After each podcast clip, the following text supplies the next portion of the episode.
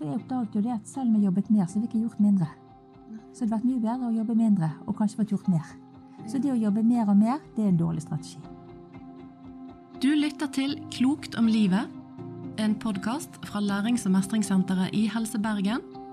Mitt navn er Cecilie Thorsen, jeg er psykologspesialist, og jeg snakker med kloke folk som deler sine historier om hvordan de har navigert i møte med livsutfordringer, helseutfordringer eller store endringer. Historiene deres er unike, men temaene er allmennmenneskelige og relevante for oss alle. Jeg er så glad for å ønske deg velkommen, Dagrun Våg Linkhausen. Tusen takk. Ja, jeg har gledet meg enormt til å snakke med deg, rett og slett. Eh, Denne podkasten handler jo om eh, dette med folk sine historier, og hvor utrolig mye eh, vi kan lære om oss sjøl gjennom å høre på andre sine historier, annet. Og du har noen erfaringer med deg i din historie om det å møte veggen. Eller kanskje vi kan si snuble og falle. Eh, og så stable seg på beina og reise seg igjen. Og det er hovedtema for det vi skal snakke om i dag. Eh, men jeg tror først vi må, vi må, si litt om hvem du er. Det er veldig mange i Norges land som har lest om deg, sikkert og hørt om deg. Og ikke minst lokalt er det veldig mange som vet hvem du er, fordi du har vært de siste årene et kjent ansikt blant Bergens befolkning, bokstavelig talt. sant? Fordi du var eh, sjef for legevakten i Bergen under den ekstreme perioden da det var pandemi. Og så ble du kåret til årets bergenser i 2020. Og da ble du vel omtalt som heltenes helt, rett og slett. Husker du det? Ja, jeg husker det. ja. Og da ble du månebedotten. Jeg ble skikkelig månebedotten. Men, men, sånn sett er det mange som vet hvem du er. Men, men kan ikke du Du har en så grådig eh, sammensatt yrkesmessig bakgrunn, og det er jo noe av det som er relevant for det vi skal snakke om. Kan ikke du si litt om den? Jeg har gjort litt forskjellig gjennom livet. Jeg, jeg gikk på Jeg kom jo fra Finse opprinnelig, da. Og der oppe på, på, fjellet, der var jo livet enkelt. For vi så jo ned på resten av verden. Vi satt jo oppe på en fjelltopp og, sånn, og hadde løsninger på det meste. Så kom jeg jo ned til lavlandet da, og da så jeg at livet var ikke så enkelt likevel. For det er litt vanskeligere på nært hold enn langt unna. Men endte nå opp med å begynne på Handelshøyskolen, som var en fantastisk fin tid. Det var veldig gøy. Gøy med økonomi. Men min mor sa alltid til meg at du burde studere medisin. Jeg gjorde aldri noe med det. Var litt sånn som Jens i Karius og Baktus. Ikke gjør som mora di sier. Mm. Så jeg gikk på Handelshøyskolen. Og så fikk jeg veldig fine jobber etter det. Jeg jobbet i næringsmiddelindustri, i forsikring, i møbelindustri, i reklame, mm. som konsulent. Jeg har jo fått med meg alt nå. I hvert fall. Du var jo leder på, på Og så selvfølgelig så har jo altså, så jeg har ikke jukselappen foran meg. Nei, men jeg kan minne deg på litt. det er veldig bra. Ja. Jeg så var jo på leder for Kjøpesenter Galleriet noen år. Ja. Det var også fantastisk gøy. Selv om ikke du likte kjøpesenteret? Ja. Har jeg lest et sted? Ja, det er helt sant. Og jeg syns det er fascinerende eh, at du hadde den bakgrunnen, og så er du altså leder for Kjøpesenteret. Og så tar du et valg om å bli lege. Mm. Eh, mye seinere i livet. Mm. Eh, og det er jo hvis vi kan spole oss litt inn på den foranledningen som gjorde at du tok det valget. Kan du fortelle litt om det? Det kan jeg. De siste årene før jeg begynte å studere medisin, så jobbet jeg som konsulent. Bl.a. med organisasjonsutvikling, lederutvikling osv. Jobbe sammen med gode kollegaer. Allikevel, selv oppi et godt faglig miljø, så klarte jeg å jobbe så mye at jeg kjente at jeg ble utbrent og møtte veggen. Mm. Og det er vel kanskje litt sånn i helsevesenet òg, at vi selv om vi jobber sammen med gode kolleger, selv om vi kjenner det selv, mm. så er ikke vi alltid like flinke å stille våre egne diagnoser. Mm. Og som konsulent så har du frihet. Du har også friheten til å nesten jobbe deg i hjel. Mm. Og jeg jobbet eh, Det var også litt sånn intern konkurranse da i, i eh, der vi jobbet. Det var om å gjøre å være flinkest i klassen. Hva var det som var å være flink da? Det var, var det å, å levere mye? Å levere mye. Mm. Ja. Holde det gående. Og Holde det gående. Og da, jeg hadde jo stor familie på den tiden. Så, eh, og min mann jobbet også mye. Og vi hadde hjelp hjemme. Skal, og hadde ikke vi hatt det, så vet jeg faktisk ikke hvordan det hadde gått. Ja. Men i hvert fall så jobbet jeg mer og mer. Og eh, fikk etter hvert ikke tid til å trene. Mm. Og så eh, Men jeg merket jo også Og det er noe jeg vet har vært viktig for deg. Ja, Det det, med å trene. ja. Mm. Og etter hvert også så merket jo det at dess mer jeg jobbet, dess mindre fikk jeg gjort. Akkurat som at arbeidskapasiteten gikk ned. Altså jeg fikk mindre gjort per tidsenhet, for å bruke sånn økonomispråk, Ja. når jeg jobbet mer enn når jeg jobbet mindre. Mhm. Og eh, i tillegg så begynte jeg å kjenne på fysiske symptomer. Jeg var så svimmel. Det er akkurat som av og til går jeg på en båt. eh, Mm, en sånn sjøgangfølelse. Sant. Og så hadde jeg litt brystsmerter, og så bare ignorerte jeg det.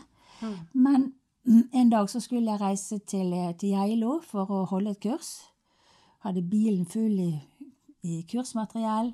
Det var en fin vinterdag. Jeg hadde gledet meg sånn til kjøreturen til Geilo. For det var sånn fin vinterdag med snø og, bare, og måneskinn. Og jeg bare, hadde bare gledet meg sånn. Ja, fint å sitte i bilen på den turen. Ja, og så ha musikk på og sånt. Og så kjørte jeg, så kjente jeg var nå veldig svimmel. Det var veldig ekkelt å kjøre.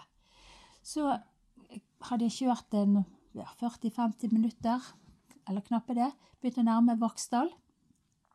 Og så kjente jeg at hvis jeg kjører inn i neste tunnel, så vet jeg ikke om jeg klarer å holde bilen på veien. Så det var en bitte liten, ja. Så var det en bitte liten lomme mellom veien, det vet jo hun når veien er der, Ja, så er det- stup ned og, så- og bratt opp. Akkurat der var det en liten lomme mellom veien og jernbanen. Der fikk jeg plassert bilen. Og bare svingte av veien. bare svingte av veien, og så gikk jeg ut av bilen og satte meg ned i grøftekanten. Tenkte jeg kan ikke kjøre videre. Nei. Og hva gjør jeg nå? eh, kursdeltakere på Geilo. Jeg skal opp dit. Avhengig av deg var jo de egentlig. Ja, og det var jo dumt å ikke levere da, på noe Ja, som hadde lovet å gjøre.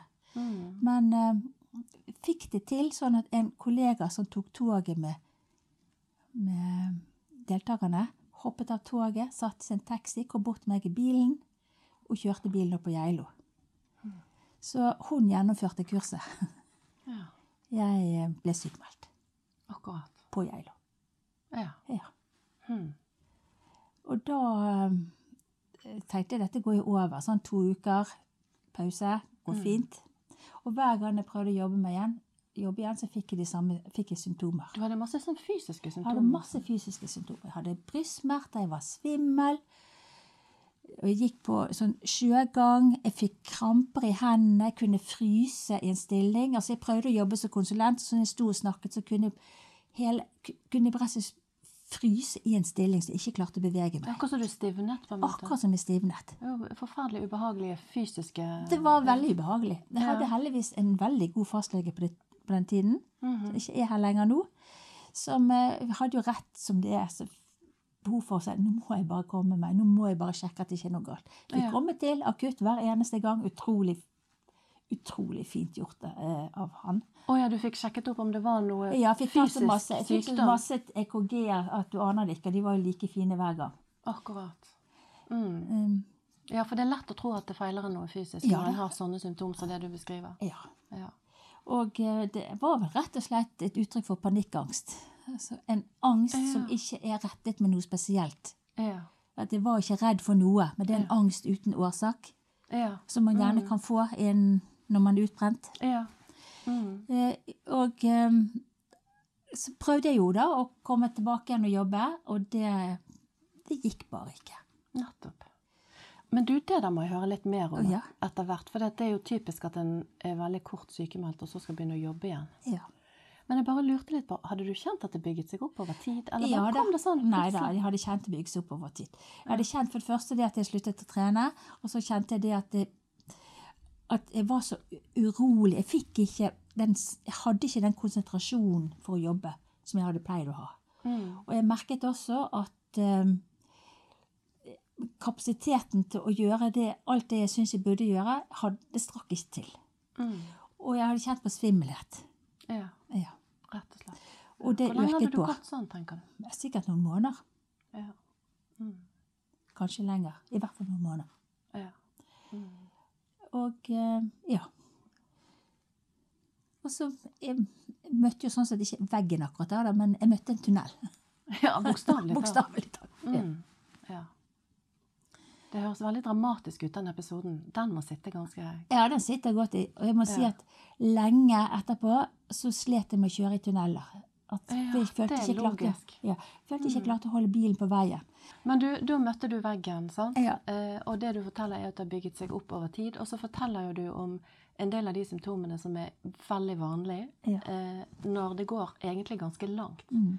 For min erfaring, som snakker med mange som er utbrent eller på grensen til å bli det, det er det at eh, det skjønner en kanskje først når disse fysiske symptomene begynner å komme. Som svimmelhet og eh, veldig høy puls, f.eks., eksempel har en gått med over lang tid. Veldig mange forteller om de kognitive tingene, at en husker mindre. Mm. Eh, og nesten som om eh, Det er akkurat som om en ikke klarer å lade eh, hodet, på en måte. Som om hodet ikke virker, en klarer aldri helt å lade opp. Og akkurat som noen som føler seg at de er litt sånn i Litt sånn omtåket. Ja, litt sånn bomull i hodet, Ja, og aldri uthvilt. nemlig. Mm. Uansett hvor mye man sover. Ja. Aldri uthvilt. Hadde du det sånn? Ja, jeg hadde det sånn. Aldri klart å slappe helt av. Og alltid, alltid litt trøtt. Alltid litt trøtt, ja. ja. Mm. ja. Mange sier det at de kan sove åtte-ni timer, men de våkner ikke uthvilt. Selv om de sover godt. Selv om mange ikke sover godt, altså. Men selv de som sover godt, kan si at de våkner og føler det sånn. Og så er det mange psykiske symptomer, da. Mange blir nedstemt, og det er av og til min jobb å finne ut er du, er du deprimert, eller er det angst, eller eh, Men mange tenker jo egentlig at de kanskje er deprimert òg. Mens du beskriver angstsymptom. Ja, det var mer angstsymptomer. Jeg var faktisk ikke så deprimert. Jeg var ikke så Nei. nedstemt. Nei. Mm. Men jeg kunne jo sånn sett også være nedstemt, da, for det eh, jeg har jo veldig mye av eh, at- det som definerer meg som menneske, er jo også ofte Det, det har jo sammenheng med jobb. Sant? Når ikke du får til jobben, Mm. hva er du da? Nemlig. Ja. Men jeg har jo en god familie, god, god mann, gode barn, gode søsken, gode venner. Så jeg hadde jo mye som ga meg en egenverdi utover meg selv. Mm. Selv om jobben eh, altså, Selv om jeg ikke fikk, fikset jobben. Ja. Men hvordan begynte du, begynte du å kjenne på det? Altså, Ja det. Synet ditt på deg sjøl. Hva, Ja, gjorde, hva gjorde den, dette med En ting er å gå på en smell, men det å prøve å komme i jobb igjen flere ganger. Hva gjorde det med liksom synet på deg sjøl? Det gjorde jo at eh, at- Tenk du av og til på det der eh, verset vet du, i minneboken, sant?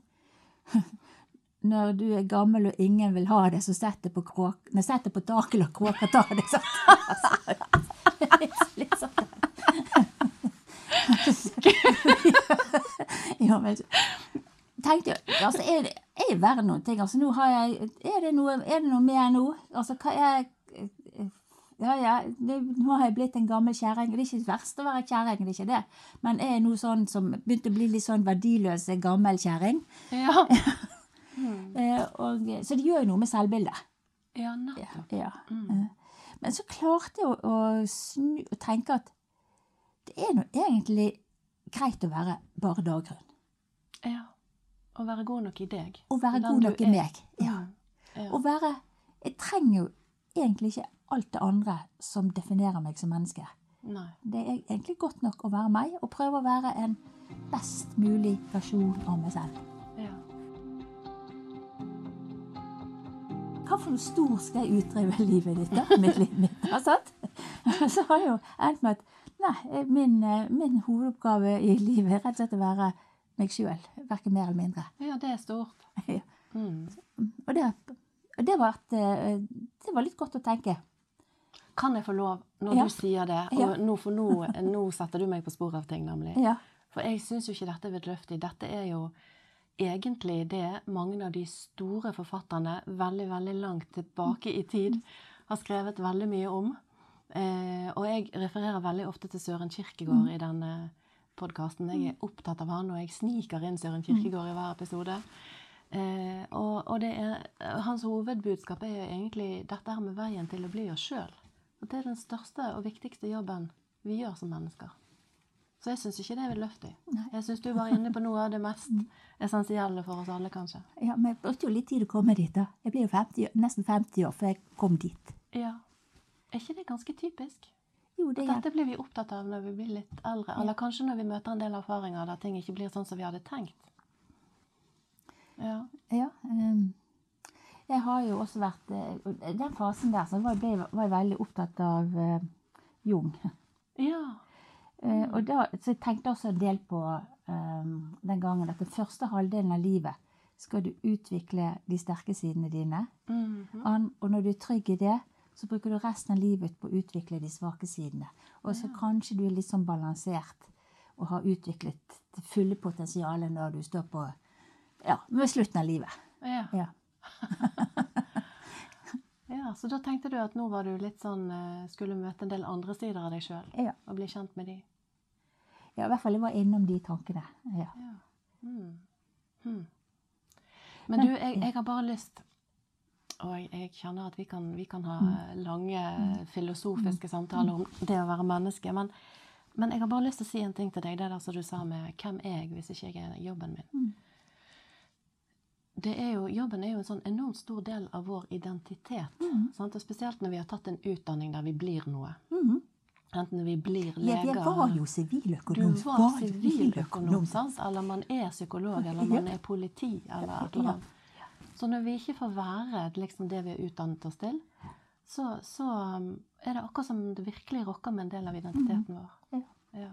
Og det, det gjorde det. Og så klarte jeg faktisk ikke å tenke ut hva kan jeg gjøre som siviløkonom nå. For det ble, var, ble utelukket å gå tilbake igjen til det jeg holdt på med. Vi ble bare syke hver gang. ja, fortell om det. Ja. Var du sykemeldt litt, og så prøvde du å gå i jobb? Ja, den gangen så var det noe som het aktiv sykemelding. Så jeg var såkalt aktivt sykemeldt. sant? Ja. Så jeg jobbet en del, prøvde å komme tilbake igjen. Men ene gangen, nei, to ganger så frøs jeg sånn. Jeg sto og snakket for en forsamling. Så bare frøs jeg i en stilling. Og jeg kunne ikke vise til de jeg snakket til, at jeg sto der og kunne ikke bevege meg. sant? For da skulle jeg dele ut noen kursbevis i denne sammenhengen der. Og så sa jeg bare til Nå har jeg jobbet så mye hele tiden. Nå hadde det vært veldig fint hvis dere kom og hjalp til litt, så kommer dere og henter det selv. sant? ja, du tok det med en spøk, sånn? Jeg tok det med en spøk, sant? fikk jo ikke vise. Nei. Og så gikk jo det over, sant? Så Mm. var det greit igjen. Mm. Ja, så, så så jeg hadde noen sånne episoder. Ja. Eh, den gangen så var jeg sammen med en konsulentkollega av meg, som, eh, og hun var, eh, hadde andre helseutfordringer på det tidspunktet, og da lo vi godt etterpå. Den halte skal hjelpe den blinde. Jeg tror ofte det er sånn, men jeg tror ikke folk ser det. Nei. Så det gikk jo bra. Men i hvert fall så tenkte jeg nå, nå kan ikke jeg tulle lenger. Nå må jeg bare finne ut hva skal jeg gjøre resten av livet. Så en dag så gikk jeg i kjelleren, bokstavelig talt. Vi hadde en kjellerstue der vi bodde. Ja. Jeg var jo i kjelleren rett som det var da, men eh, nå gikk jeg bokstavelig talt i kjelleren. Og sa nå går du ikke ut av det rommet før du har tenkt ferdig. Mm. Og det gjorde jeg. Jeg gikk inn i kjellerstuen, lukket døren. Barn var på skolen, min mann var på jobb, Mhm. og tenkte ferdig. Tenkte ferdig på hva du skulle gjøre nå? Ja, resten av livet. Resten av livet? Ja. Ja, akkurat. Altså jobbmessig. Mm. Det var ikke sånne andre dramatiske ting at nå tar jeg sekken og eh, flyr på andre siden av kloden. Og reiser reiser langt vekk. Nei, Nei, men hva du skulle gjøre med jobbsituasjonen din. Ja, for ja. det var noe her som skurret. Det var noe som skurret. Ja. Og så tenkte jeg gjennom hvor, hva har jeg energi til? Hva har jeg lyst til å holde på med? Mhm. Hva er jeg nysgjerrig på? Mm. Hva er det jeg drømte om da jeg var ung? Hva Mhm. tenkte jeg? Og da kom jo da Jeg har jo hele yrkeskarrieren tenkt på Skulle jeg egentlig ha øh, studert medisin? Men jeg har jo aldri gjort noe forsøk på å søke opptak eller noe som helst. Så jeg har jo aldri gjort noe med det. Nei. Og men hver gang jeg har tenkt den tanken, så har jeg tenkt at jeg har jo så gøy med det jeg holder på med. Det er jo ikke nødvendig. Så det var ikke bare din mor som sa du burde studere medisin, du hadde hatt litt lyst? Jeg hadde hatt litt lyst. Ja. Og så tenkte jeg ok, men kanskje det er det jeg skal gjøre. Så tenkte jeg litt videre på det. Så tenkte jeg det er ikke bare kanskje det du skal gjøre, det er det du skal gjøre. Nå har jeg bestemt meg, det er det jeg skal gjøre. Hm. Og da bestemte jeg meg. Uten å snakke med noen. ja. Og det tror jeg var veldig viktig for mitt vedkommende.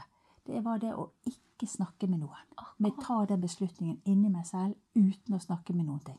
ja. Uten å snakke med noen. Dette skulle komme fra deg, ikke fra hva noen andre tenkte. Ja. Mm. Og da begynte jeg når jeg da hadde bestemt meg, så begynte jeg å handle. Og hvor gammel var du, og hvor gamle var ungene dine? Det ble jeg nysgjerrig på Ja, Ja, jeg var 49 år da jeg begynte på studiet, fylte 50 år en måned etterpå. Ja. Men jeg pleier å si at jeg begynte i slutten av 40-årene. det høres litt finere ut enn at jeg begynte da jeg var 50. Ja. Ja, og så øh, Yngstemann var 13, eller ble 13, han var 12 da jeg begynte. ja. Mm. Så når jeg var ferdig på medisinstudiet, så var han ferdig på videregående, så vi var russ samtidig da. Tenk Tenk at du gjorde det. Ja. Kastet opp alle kortene og, ja, kastet opp alle kortene. og ble student. Ja. Eh, og hadde mange barn og tenåringer og alt som du skulle forholde deg til. Ja. Jeg syns det er utrolig modig gjort. Ja, men jeg, jeg hadde på en måte ikke noe annet valg. Tenker du det? Ja, jeg tenker det. For jeg tenkte at det er bare jeg som skal leve resten av livet mitt. Det er ingen andre. Mm. Og hvis jeg skal leve resten av livet mitt på en god måte, så må jeg faktisk gjøre noe som er meningsfylt. Ja. Mm. Ja.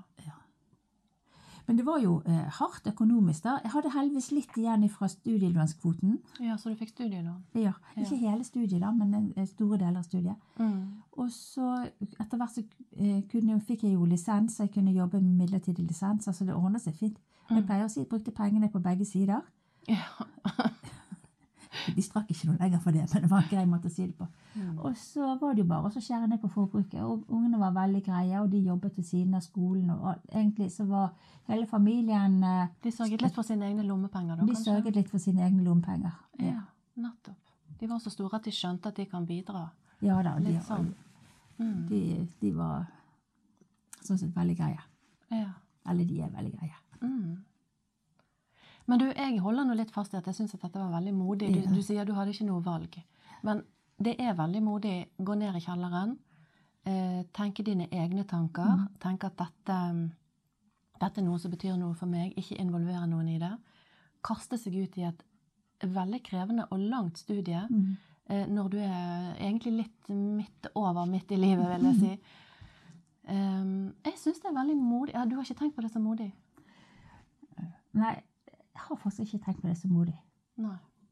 Men jeg visste jo at det var stor fallhøyde. Men jeg, tenkte, men jeg bare tenkte jeg må bare gjøre det. Og det som var også veldig viktig, det var at jeg var så redd for å snakke med noen før jeg hadde at noen skulle komme med alle motforestillingene. For jeg hadde jo alle motforestillingene inni hodet mitt. Ja, det vil jeg anta. Ja. Mm. Så jeg, jeg kan ikke snakke, jeg må bare gjøre det. Jeg kan ikke høre på noen. Jeg må bare gjøre det. Ja. Sånn at ikke noen skulle snakke deg ut av det. nesten. Ja. Og så er det noe sånn at hvis, du, hvis jeg hadde snakket med noen, så tror jeg kunne ha på måte lekket energi. Ja, ja, ja, jeg jeg måtte bare holde Mm. på det, slik at jeg beholdt um, kraften inni meg til å gjøre det, til å gjennomføre det, uten at noen skulle, uten at jeg skulle lekke den i en, en samtale. Jeg får lyst til å bringe frem et sitat igjen fra. Søren Kirkegård. Ja. Som kanskje Jeg, jeg får lyst til å høre hva du tenker om. Uh, man, man antar at det er han som står bak dette sitatet. Em, og det er et, et sitat som mange sikkert har hørt. Og det er å våge, det er å miste fotfestet Mm. en liten stund. Å ikke våge, det er å miste seg selv. ja, det er faktisk akkurat det. Det er faktisk det. Ja. Eh, Fordi at eh, For jeg holdt jo på å miste meg selv. Ja. Og Mm. eh, og det var helt nydelig å begynne å studere igjen. Jeg må bare si det. Jeg kan ikke, den, de seks årene var Det var altså så eh, Jeg bare lurer på om du er ganske sånn indre styrt. At du følger det som er Eller om du har øvd på eller er god på, det vet jeg ikke, men det er også å lytte litt til hva som er viktig for deg. Den indre stemmen din. Jeg tror nok på at eh, dette var den indre stemmen. Ja. Ja. Mm.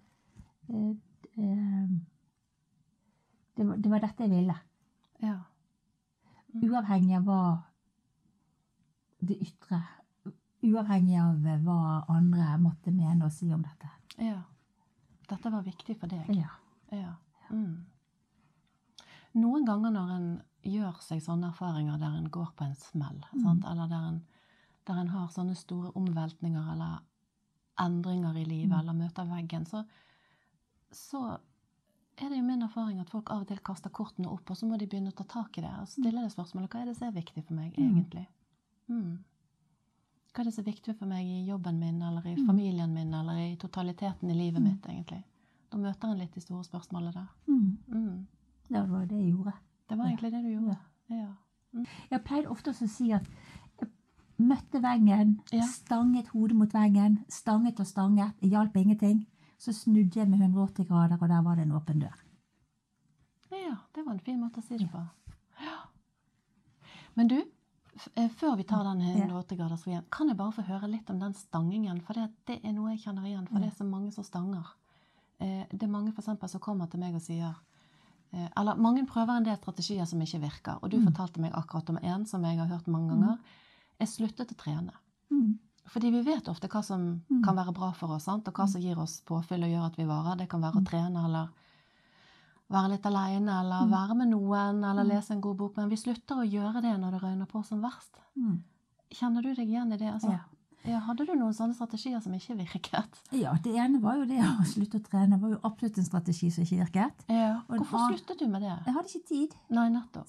Ja. Skal, det, det krever jo litt overskudd å trene òg, sant? Når ikke du har det Veldig mye. sant? Mm, ja. Eh, akkurat som det Du skal være frisk for å være syk, for å si det sånn. Altså, Du Mm. skal ha det overskudd for å kunne ivareta deg sjøl. Og det andre var at jeg prøvde å jobbe mer. Det var jo bare tull. ja. Eh, egentlig bør man jobbe mindre. Ja. For jeg oppdaget jo det at selv om jeg jobbet mer, så fikk jeg gjort mindre. Så det hadde vært mye bedre å jobbe mindre, og kanskje fått gjort mer. Så det å jobbe mer og mer, det er en dårlig strategi. Mm, strategi. mm.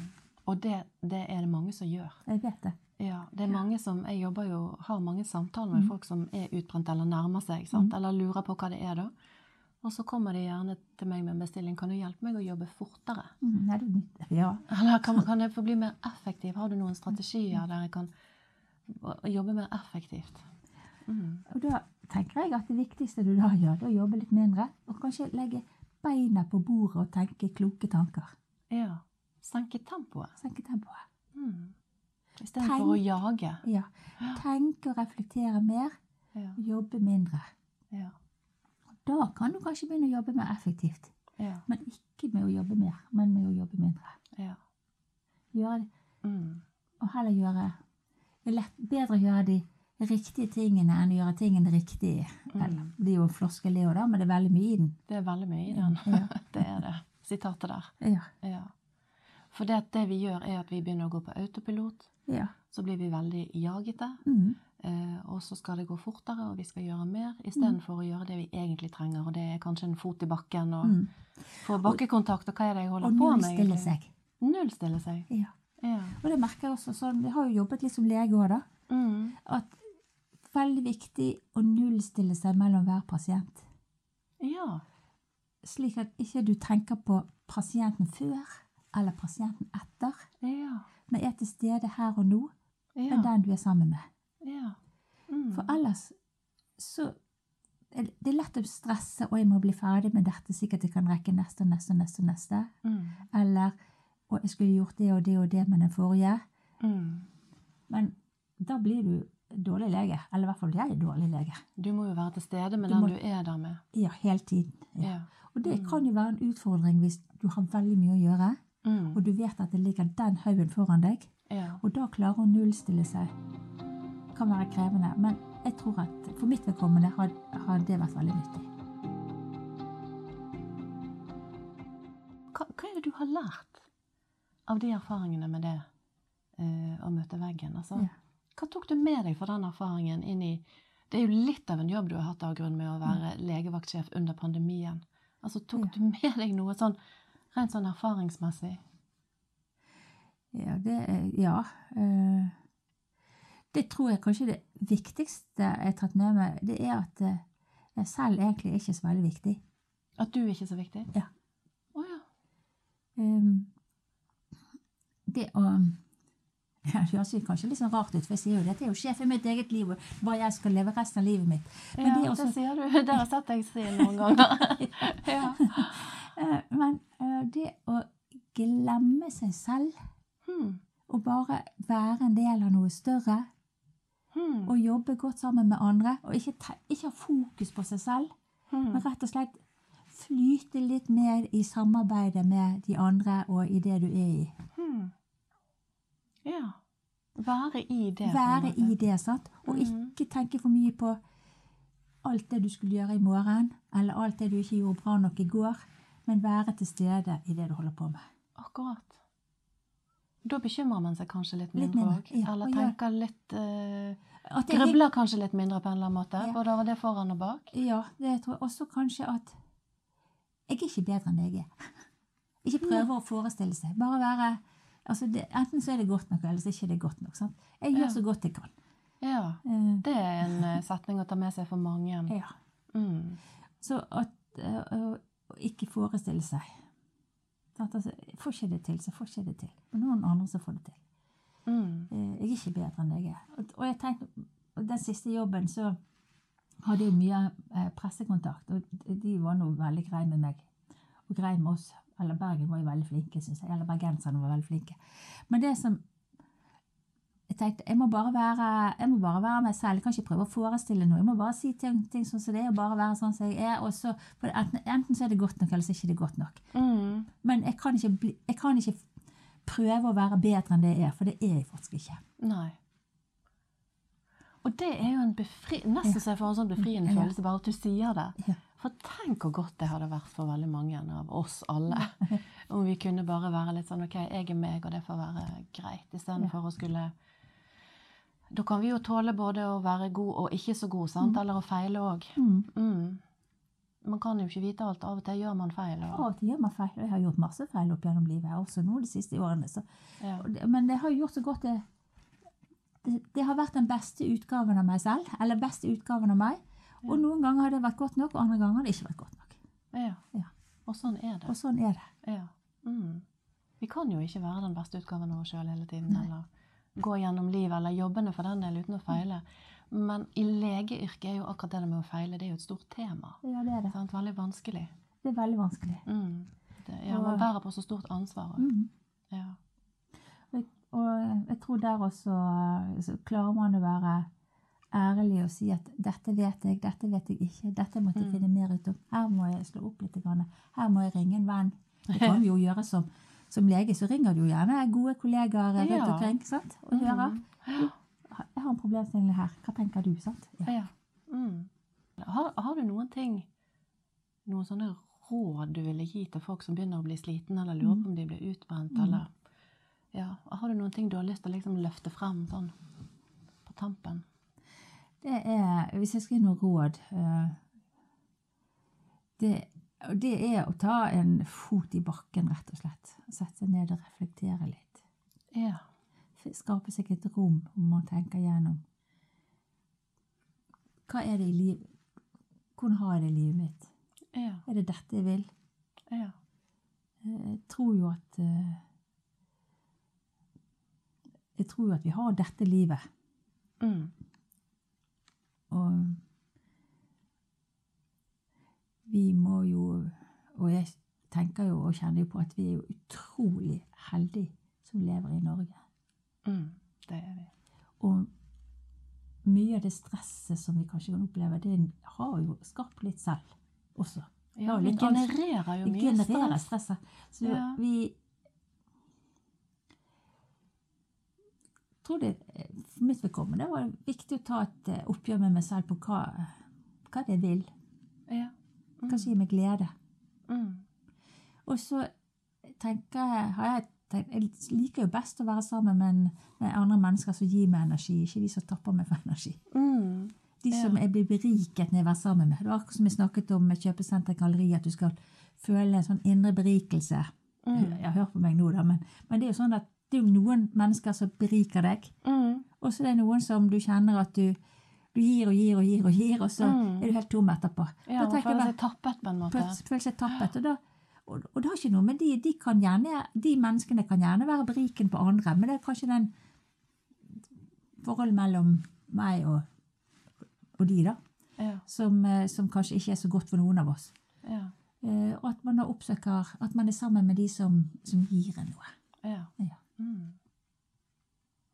Det høres ut på for meg så noe av de rådene du sier, det har noe med å kaste kortene opp litt og tenke litt sånn hvordan, hvordan lever jeg dette ene livet som jeg har fått? på en måte? Og du sier det jo litt, vi er jo privilegerte. Ja, Vi er jo for så vidt på mange måter det, sant, i Norge. ja vi er Også, det. vi er det, og det må vi faktisk understreke. Ja. Og så har vi en tendens til å jage oss inn i ting Mm. så vi tenker må være sånn og sånn. Men det er jo av og til å kaste kortene opp og så tenke litt hvordan lever jeg dette ene livet som jeg har? Og så i dag så har vi, vi flyttet fra, som, eh, som mange gjør det, vår alder, flyttet fra hus til leilighet. Ja. Og det er bare, jeg bare nyter hver dag å bo i den leiligheten. Tenker, Gud, hvor klok vi var som tok det valget, og hvor deilig det er å bo der. Og, jeg må si at, og det tenker jeg også er viktig hvis jeg skal gi noe råd, å glede seg over hverdagen. Og, Ja. og finne gledene, de små gledene i livet. Hverdagsgleden. Ja, hverdagsgleden. Ja. Mm. Ja. Kan jeg få lov å legge til en kommentar? Ja. Vi hadde en sånn eh, eh, Jeg jobber jo litt sånn sammensatt sjøl. Ja, Jeg jobber her, og så reiser jeg en del til Østlandet, og da er jeg vekke fra Mm, familien. mm, Og så har jeg hatt en sånn Nå skal jeg reise bort der snart og være der i to uker. Mm. Og så en lang liste over alt jeg skulle gjort i hagen og på hytten, og alle jeg skulle stilt opp for, og alt jeg skulle gjort Mm. inne og sånn. Mm. Og så var det grådig fint i går ettermiddag. Mm. Eh, og jeg var helt sånn oppjaget fordi at alt jeg skulle ha gjort. Og så prøvde jeg å ha en samtale både med meg sjøl og mannen min da, om hvordan skal jeg ikke jage så grådig og bare være. Mm. Og så eh, tente vi rett og slett tidenes bål i hagen. Mm. Eh, og sa til ungene, jeg har en på 12 og en på 13, Mm. bare nå er vi her. Vi gidder ikke lage middag, vi har bål, vi griller pølser. Og så bare sitter vi, og så er vi i det øyeblikket. Mm. Og så ser vi på de flammene. Eh, og så var det da en liten vennegjeng og ungene, og så bare var vi der. Mm. Eh, Mm. og jeg er så glad jeg klarte det. Mm. Ikke for å skryte av meg sjøl, men det, jeg må jo av og til prøve å gjøre det jeg sier at andre skal. og det du sier.